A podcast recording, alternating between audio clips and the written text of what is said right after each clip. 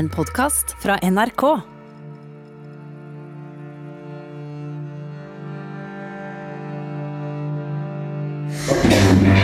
Dere?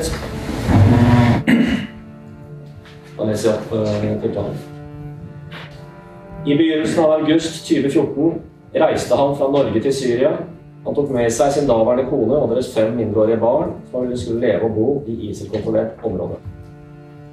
Han inngikk avtale med en eller flere personer tilknyttet terrororganisasjonen Den islamske stat i Irak og Levanten om å begå eller medvirke til å begå en eller flere straffbare handlinger som nærmere beskrevet i straffeloven av 1902, paragraf 148, 231.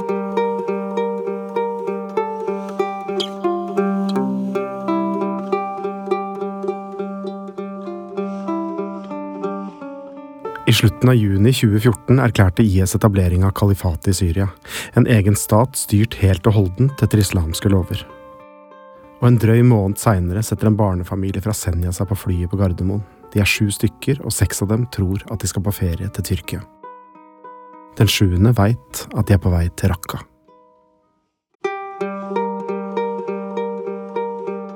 Jeg heter Joakim Førsund, og dette er podkasten Det svarte flagget. Del to Tamer og Ruth.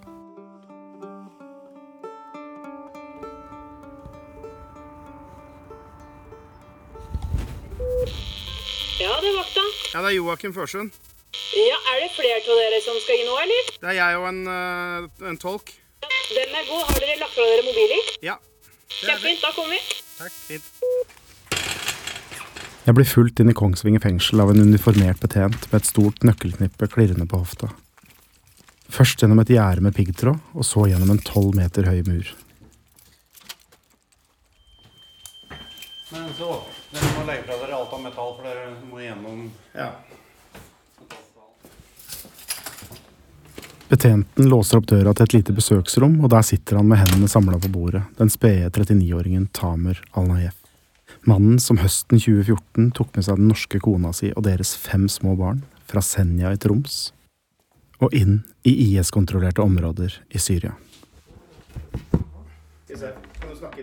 Ja, du hører meg? Du hører meg? Ja, flott. Tamer smiler forsiktig i det korte, svarte skjegget. Blikket hans flytter seg rastløst. Han har aldri møtt journalister før, aldri fortalt denne historien. Historien som begynte så bra, og endte så dårlig. Eh, hvordan havnet du i Norge? وبالضبط كيف صارت النرويج؟ ليه؟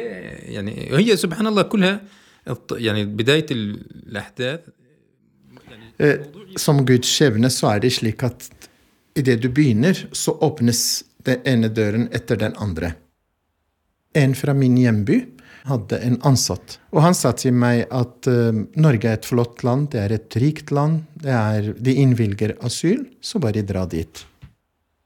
Hadde du hørt om Norge da? Nei. Da vi ankom Norge Jeg husker ikke nøyaktig hvilken dato det var, men jeg tror at det var enten februar-mars. Det var i hvert fall kaldt i Oslo. Og jeg hadde på meg en ullgenser, men jeg hadde en helt vanlig sko. Som du kan si sommersko hadde jeg på meg.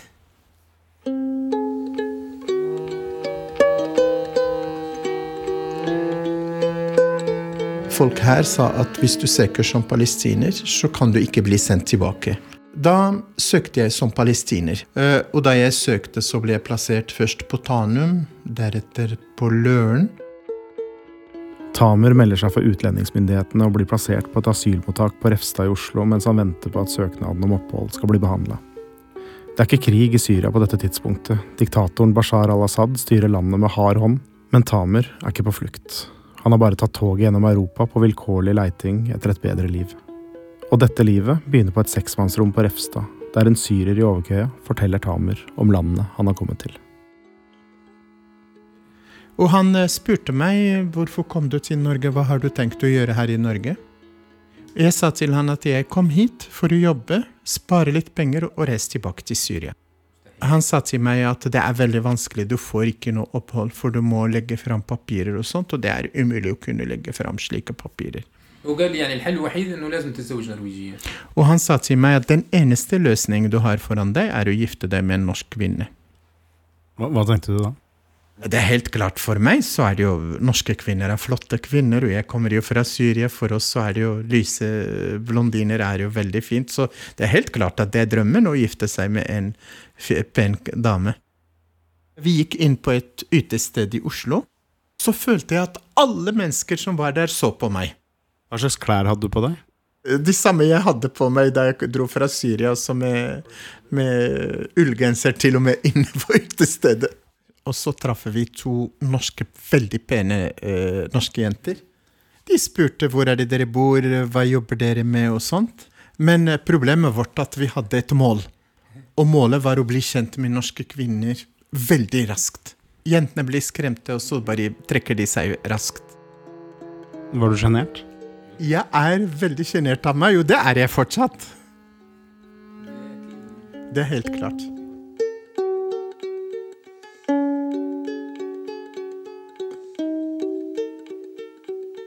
Eh, han unge mannen som var sammen med meg, han sa til meg du må ut og danse, for danser du ikke, er det ingen jenter som ser på deg. og jeg begynte å danse som en gærning. Så kom vekteren og sa til meg, du, gå ut. og det er første gang og siste gang jeg har vært på et sånt ytest dansested. Det er litt uoversiktlig for meg, det livet Tamer lever på dette tidspunktet. Mennene han deler rom med, er fra ulike arabiske land, og det de snakker aller mest om, er hvordan man tjener til livets opphold på dette kalde, ukjente stedet. Det er deres Oslo Tamer blir kjent med. Han blir med dem ned til byen, han blir kjent med flere menn, menn som henger i parker, på hjørner og på trikkestopp, menn som livnærer seg der nede, i de skyggefulle gatene i Oslo.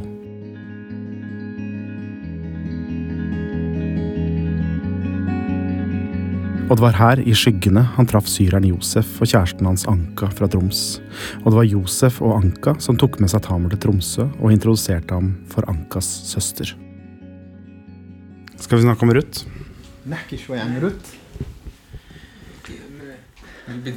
Fra begynnelsen? Ja. Jeg gikk bare ut av taxien og stod ved siden av, og så kom Ruth. Hvordan så hun ut?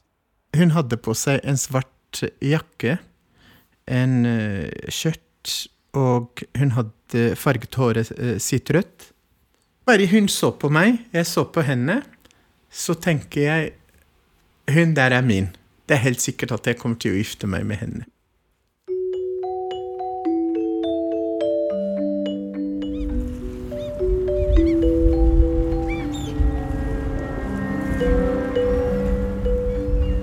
Jeg sitter på en ferje i Troms. Den er på vei fra Brensholmen til Senja, og det er regn i lufta. Skyene er mørkegrå, og det er vanskelig å se hvor himmelen slutter og havet begynner. Ferja er på vei inn i en fjord helt nord på øya, og inni denne fjorden ligger Botn havn. Det var her Tamer bodde, det var her han jobba på fiskebruket, og det var her han fostra opp de fem ungene sine. Tre døtre og to sønner. For fem år siden, da de ble tatt med inn i den islamske staten i Syria, var de ett, fire, fem, sju og åtte år gamle.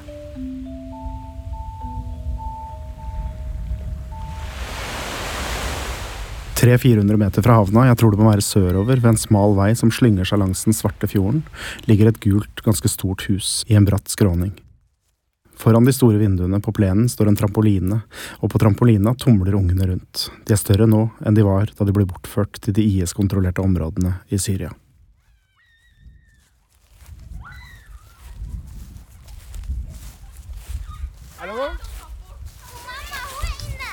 Ok, hvor er døra hen, da? Du går rundt, Ja, så inn der. På baksida der? Ja. Ok. Ok. Hun står i vinduet. Jeg ser henne bare så vidt, for det er lyst ute og mørkt inne, men jeg ser at hun vinker. Og nå åpner hun døra, Ruth Johansen, Tamers store kjærlighet.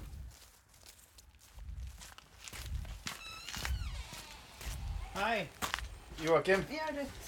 Ja, kom hit.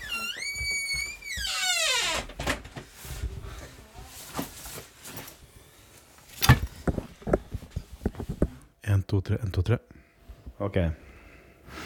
Hva slags liv levde du eh, altså rett før du traff Tamer? Nei, jeg levde et helt vanlig liv.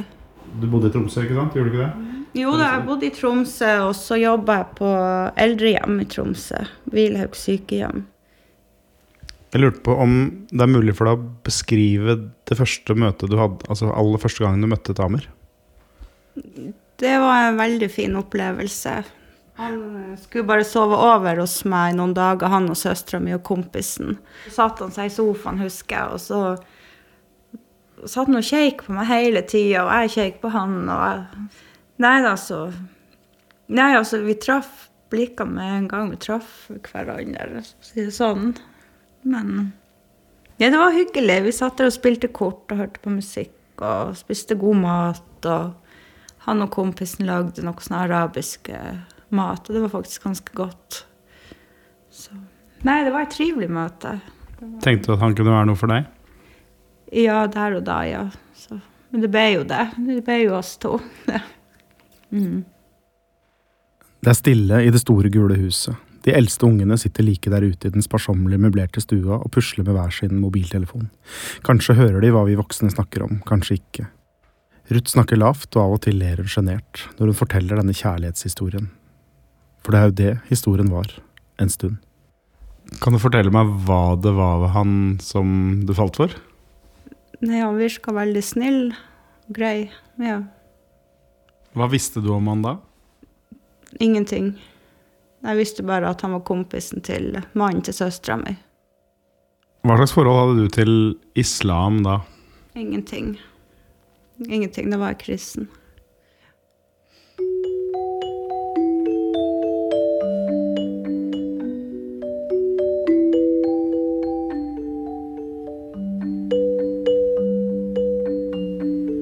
Eh, vi satt alle fire, og jeg gjorde det bare sånn, og så sa hun det er helt greit. Sånn, hvordan da? Det vil si at jeg bare berørte henne i skulderen. Og så snudde hun seg, så sa jeg håper at det ikke er noe problem. Så sa han nei, nei, det er ikke noe problem. Så satte jeg hånda mi over skulderen hennes. Var det noe du pleide å gjøre? Ta hånd, legge hånden på skulderen? Nei, hjertet mitt banket. det var første gang i mitt liv at jeg gjorde det. Etter hvert så gikk de ut, Anka og han andre, og vi ble igjen alene, jeg og Ruth. Jeg sa til henne at for at vi kan ligge sammen, så må vi gifte oss islamsk vis. Jeg kan ikke, gifte, jeg kan ikke ha uh, sex utenfor ekteskap. Det går ikke an for meg. Uh, vi dro til moskeen. Vi spurte uh, imamen der i moskeen og sa om vi kunne inngå en, et ekteskap. Hvor lenge, hvor lenge hadde du kjent Ruth, da? Tre dager, kanskje. Eh, Vi hadde bare en liten fest. Jeg tror Anka og Josef hadde kjøpt en del kaker og sånt. Men akkurat på det tidspunktet Det skjedde et eller annet inni meg. At alt jeg ønsket, det var at Anka og Josef skulle gå ut av leiligheten. Og jeg begynte å være sjalu.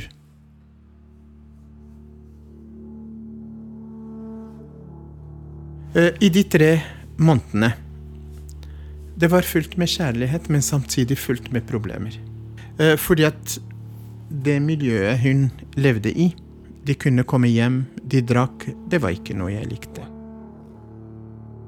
Og det var en gang hvor vi bare satt, og så kom det en venn av henne og satte seg. Han var alene. Og jeg sa til henne det vil jeg ikke. Og så hadde han med seg kjæreste, så har det ikke vært noe problem. Så, men at han bare kommer alene og sitter sammen med oss, det vil jeg ikke. Og at de sitter og drikker og sånt.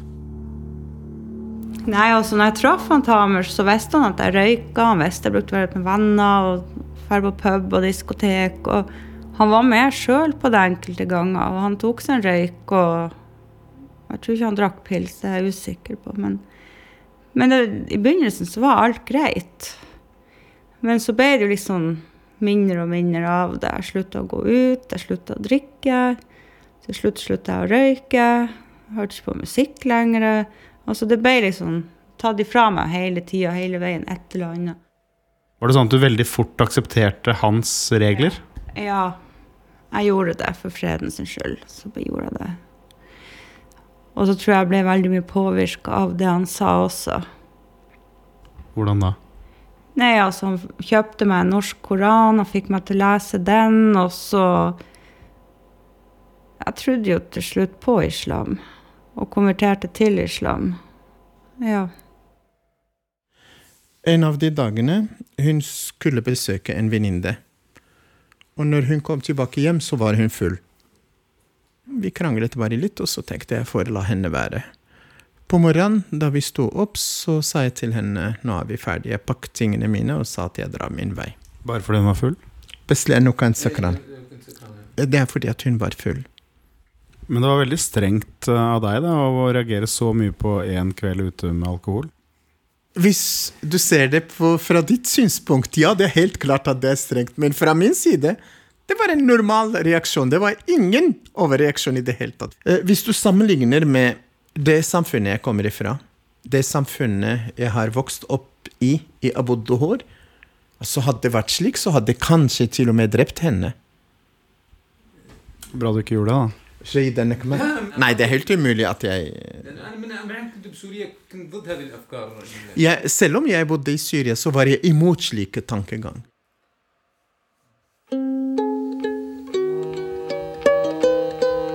Ruth trygla Tamer om å bli, og Tamer ble. Istedenfor å forlate henne bestilte han billetter til hjemlandet, og de dro sammen for å formalisere ekteskapet også i Syria, og for å møte Tamers familie. Du hører på NRK P2, og vi sender nå andre del av dokumentarserien Det svarte flagget, om nordmenn som kjempet for den islamske staten. Jeg syns Syria var en veldig, veldig fin plass. Folk var veldig trivelige og hjelpsomme og ja. Hvordan behandla de deg, da? Veldig fint. Altså, nei, de ga meg alt og behandla meg som en dronning der nede. Det var helt fantastisk. Kom med gaver og fulgte etter oss og ordna fest, og var dans og Veldig hyggelig. Jeg kunne møte på folk som ikke jeg kjente, som inviterte meg inn på te, og kunne sitte i skogen og drikke te sammen med dem. Og ja, enda ikke kjente dem. Det var veldig trivelige folk der nede.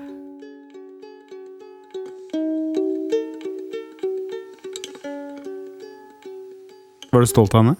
Ja, det er helt klart. Og jeg var veldig Jeg elsket henne, for å være helt ærlig.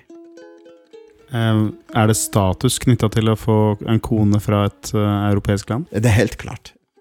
Særlig når det er en blondine og europeisk. Ja, det er eh, status. Når du kommer hjem til landsbyen, da tenker folk nå har Tamer hatt suksess?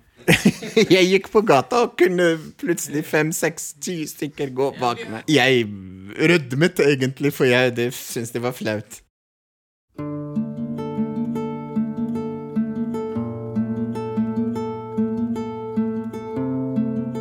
Tamer må bli i Syria i noen måneder mens han venter på at oppholdstillatelsen i Norge skal gå i orden.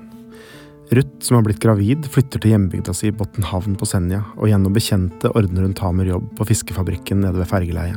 Hva skulle du gjøre på den fabrikken? Eh, Det var klippefisk. Vi skulle legge fisken i salt. Og så var det en avdeling som hadde med laks.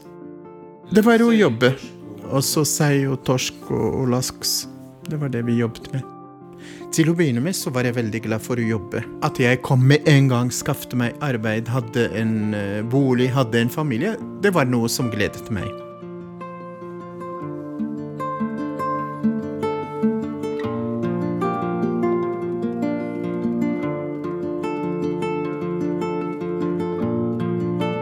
Eh, Kan du fortelle om eh, da din første datter ble født? Eh, eh, på morgenen så var jeg faktisk i Tromsø. Og så begynte Ruth å få eh, tegn på at nå starter fødselen.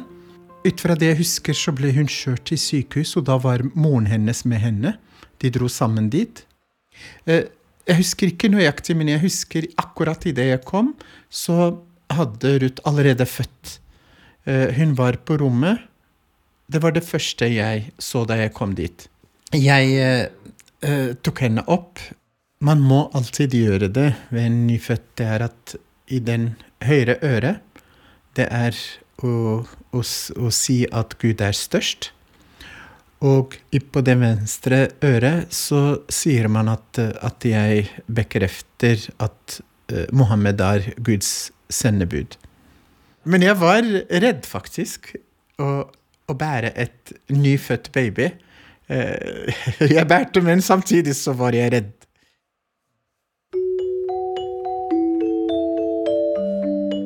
Året etter fikk Tamer og Ruth ei datter til. Og så fikk de en sønn, og så fikk de enda en sønn, og så fikk de en tredje datter. Fem barn på sju år. Ruth hadde mer enn nok med ungene, og Tamer fortsatte å jobbe på fiskebruket. Han sykla til og fra jobben, fire kilometer hver vei, gjennom snø og mørke i år etter år. Straks de hadde penger til det, reiste de på besøk til Tamers familie i Syria. Og hver måned la Tamer penger til side som han sendte til moren sin i hjemlandet. Men etter hvert ble det mindre jobb på fabrikken. Det ble vanskelig å få endene til å møtes, og derfor tok Tamer kontakt med noen gamle kjenninger. På det tidspunktet så var det lite jobb å få på Friskefabrikken. Ruth var ikke i arbeid. Mastercard, øh, lånet, inkassobeløpet var, begynte å bli mye større. 230 000 norske kroner. Akkurat her ble jeg litt svakere uh, når det gjelder religion. Snakker vi om uh, narkotikaforbrytelsen nå? Ja, det er helt klart.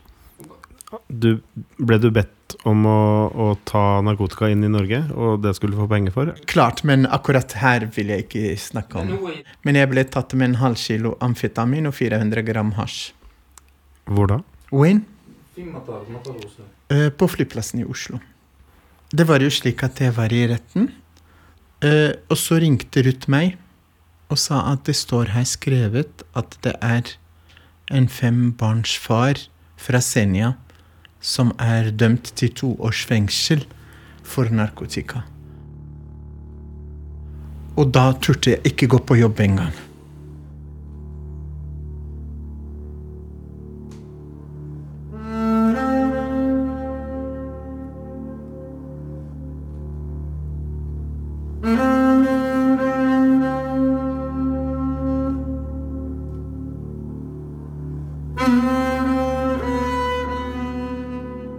Etter den arabiske våren i 2011 blir situasjonen i Syria ustabil. Flere grupperinger begynner å ta til våpnene, og i februar i 2012 bomber Bashar al-Assad den syriske byen Homs for å slå opprøret tilbake. Snart er det full krig i Tamers hjemland. På Senja sitter Tamer og følger nyhetssendingene fra Al Jazeera. Han diskuterer i forum på Facebook, og nesten daglig får han oppdateringer fra slektningene i Syria. Og snart får han vite at moren hans er drevet på flukt, og at lillebroren hans, Ahmed, er arrestert.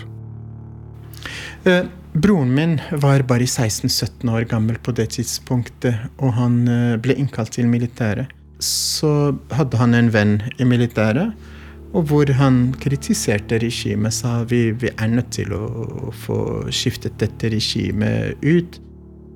Det viste seg at den unge mannen han snakket med, han var en agent for etterretningen.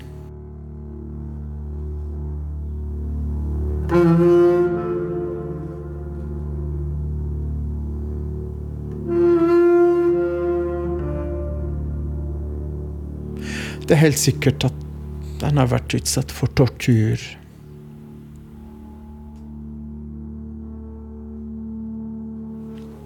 Er det vanskelig å snakke om? Veldig. Ja, stakkars han der. Jeg vet ikke. Men han for på jobb, og så kom hjem, og så satt han på dataen og telefonen. Hvem snakka han med i telefonen, da? Mm, Det må ha vært kompiser og dem nede i Syria, eller familien prøvde å få tak i dem. Og, ja. Handla det hele tiden om broren hans, eller? ja, det tror jeg. Han var veldig opptatt av broren, det var han jo. Og så hvordan det gikk med familien når krigen brøt ut der nede. Ja.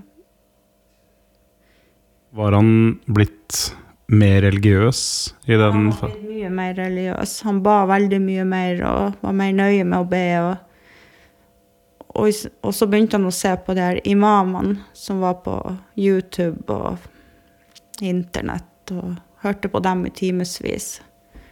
Spurte du han om hvorfor han gjorde det? Nei, han sa han snakka om Koranen, og det var det han hørte på. Men det var masse av det han så på som ikke jeg likte, og det sa jeg ifra om. Det, Jeg kunne se på Først var det var Al Qaida og bin Laden, og så til slutt så ble det IS han satt og så på masse. Men hadde du inntrykk av at han var tilhenger av, av det? Nei, ikke der og da. Men han spurte meg en kveld hva jeg syntes om IS. Da sa jeg at de var steinegale, og at jeg syntes ikke noe om dem.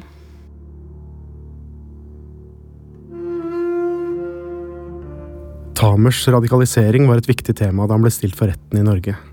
Her er et opptak fra straffesaken mot ham i 2018. Tamer sto tiltalt for deltakelse i IS og for å ha inngått en avtale med IS om å utføre terrorhandlinger. Eh, Ruth har jo forklart at han, særlig etter at borgerkrigen startet i eh, Syria, så ble han mer radikalisert. Hun brukte ikke uttrykket 'radikalisert', men det er det vi kaller det. Han begynte å se på disse filmene på YouTube, eh, var inne på nettsider, så på taler fra imamer i eh, utlandet. Og oppfattet han til å være først en Al Qaida-tilhenger, og etter hvert en ISIL-tilhenger. Eh, På det tidspunktet var et elendig liv i Botnhan. Det var jo krigen i Syria hadde intensivert seg. Familien min var på flukt. Eh, Jeg er eh, narkotikadømt til to års fengsel. Vi har ikke penger. Akkurat på det tidspunktet hatet jeg Botnhan. قد ابتليت بهذه الأمانة أمانة ثقيلة فوليت عليكم ولست بخيركم ولا أفضل منكم Opprørsgruppen ISIL har erklært en egen muslimsk stat. De militante islamistene har tatt kontroll over store områder i Irak. De kjemper også i Syria. Det Da det ble opprettet en islamsk stat i Syria, så var det faktisk det lykkeligste eh, momentet i mitt liv. Jeg har fått en løsning. Og det var da jeg tenkte greit, nå tar jeg barna mine med til Syria og aldri kommer tilbake. Men der var det jo krig. Det var krig, men jeg tenkte jeg er ødelagt. Jeg er totalt ødelagt her.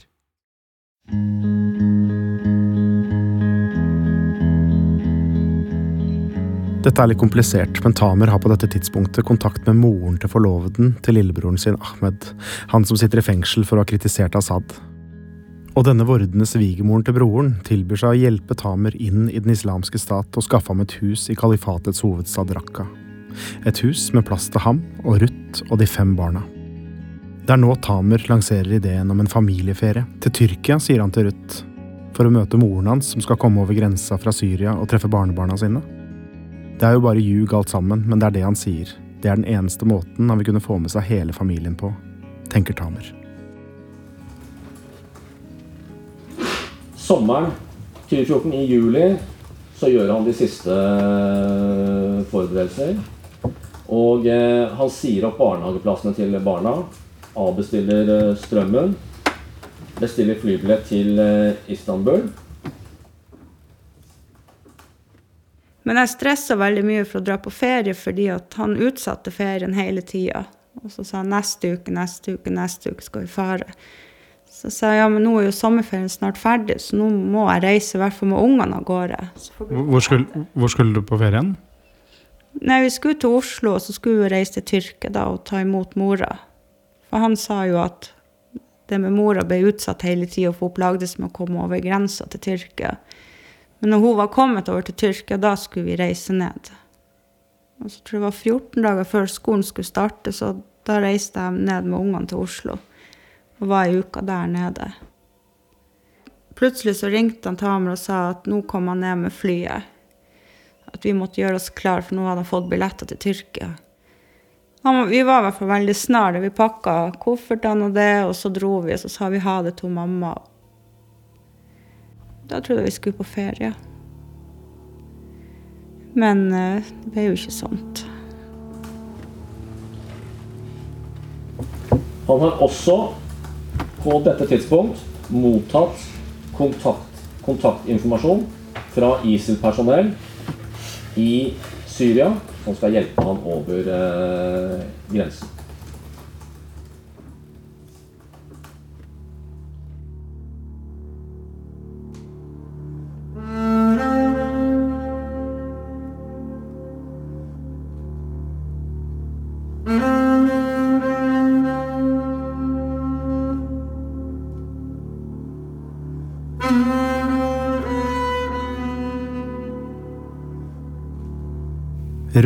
Tar med seg ungene til byen for å kjøpe kjoler og pentøy som de skal ha på seg nå når de endelig får møte farmora si.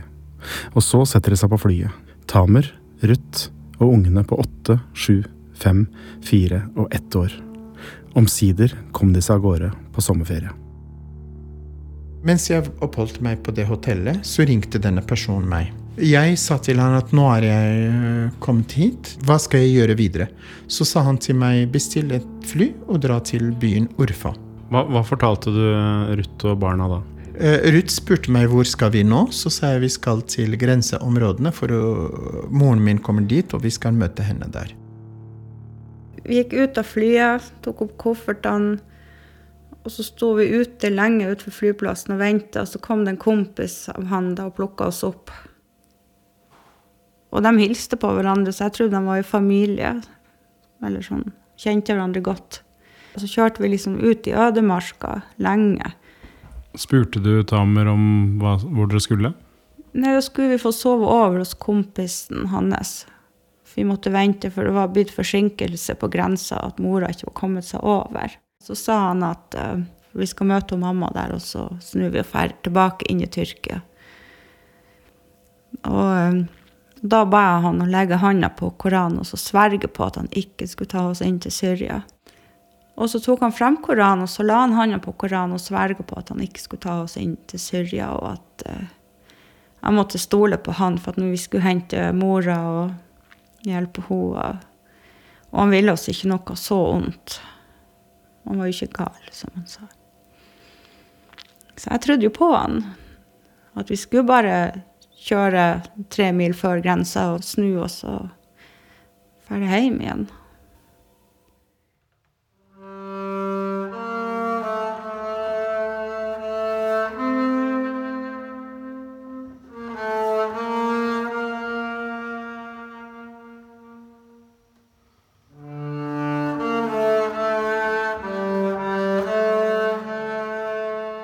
det var Sola var allerede oppe, og det var en sånn fin bris som blåste. Og du kunne se at det var kvinner der som jobbet, det var noen som bakte, noen som melket. Eh, Ruth spurte meg på det tidspunktet. Hun spurte meg du skal ta oss inn til Syria. Så sa jeg nei, jeg skal ikke ta dere med inn til Syria. Du sverget ved Koranen? Nei, jeg sverget ikke ved Koranen ved Guds bok. Det gjorde jeg ikke. Eh, og om jeg hadde gjort det, så hadde det ikke gjort noe med min tro. Man kan sverge ved Koranen, i Guds navn, hvis det er for noe som er godt. Så det var, ut fra min tro så var det jo dette det riktige valget.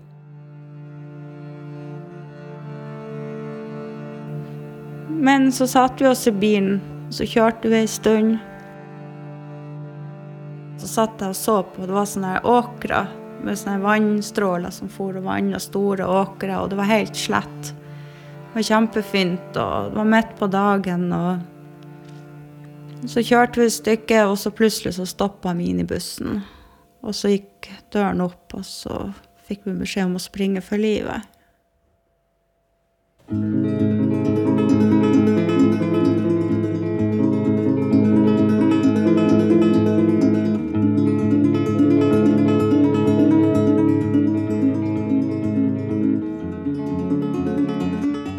Dette var andre del av podkasten Det svarte flagget. Vi skal følge historien om Tamer og Ruth og de fem barna videre på denne hasardiøse ferden inn i den islamske staten. Og denne tredje episoden legges ut tirsdag 8. oktober. Podkasten Det svarte flagget er produsert av Monster for NRK. Den er laget av Sigurd Øygarden Fleten og meg, Joakim Førsen. Det er Klogs og Steinar Aknes som har komponert musikken, og redaktør i NRK er Anne Kvadsheim. Lydmiks er ved Hans Kristen Hyrve.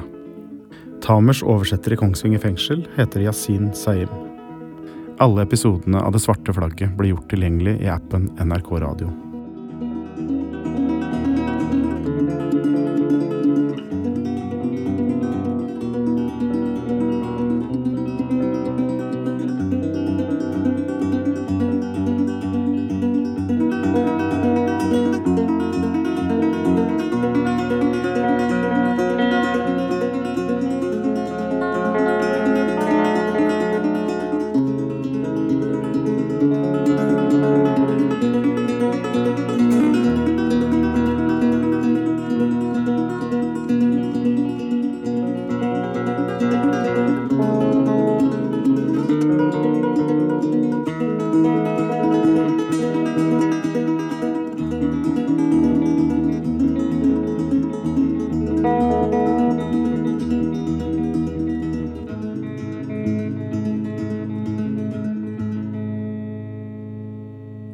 En podkast fra NRK. Hør flere podkaster og din NRK-kanal i appen NRK Radio.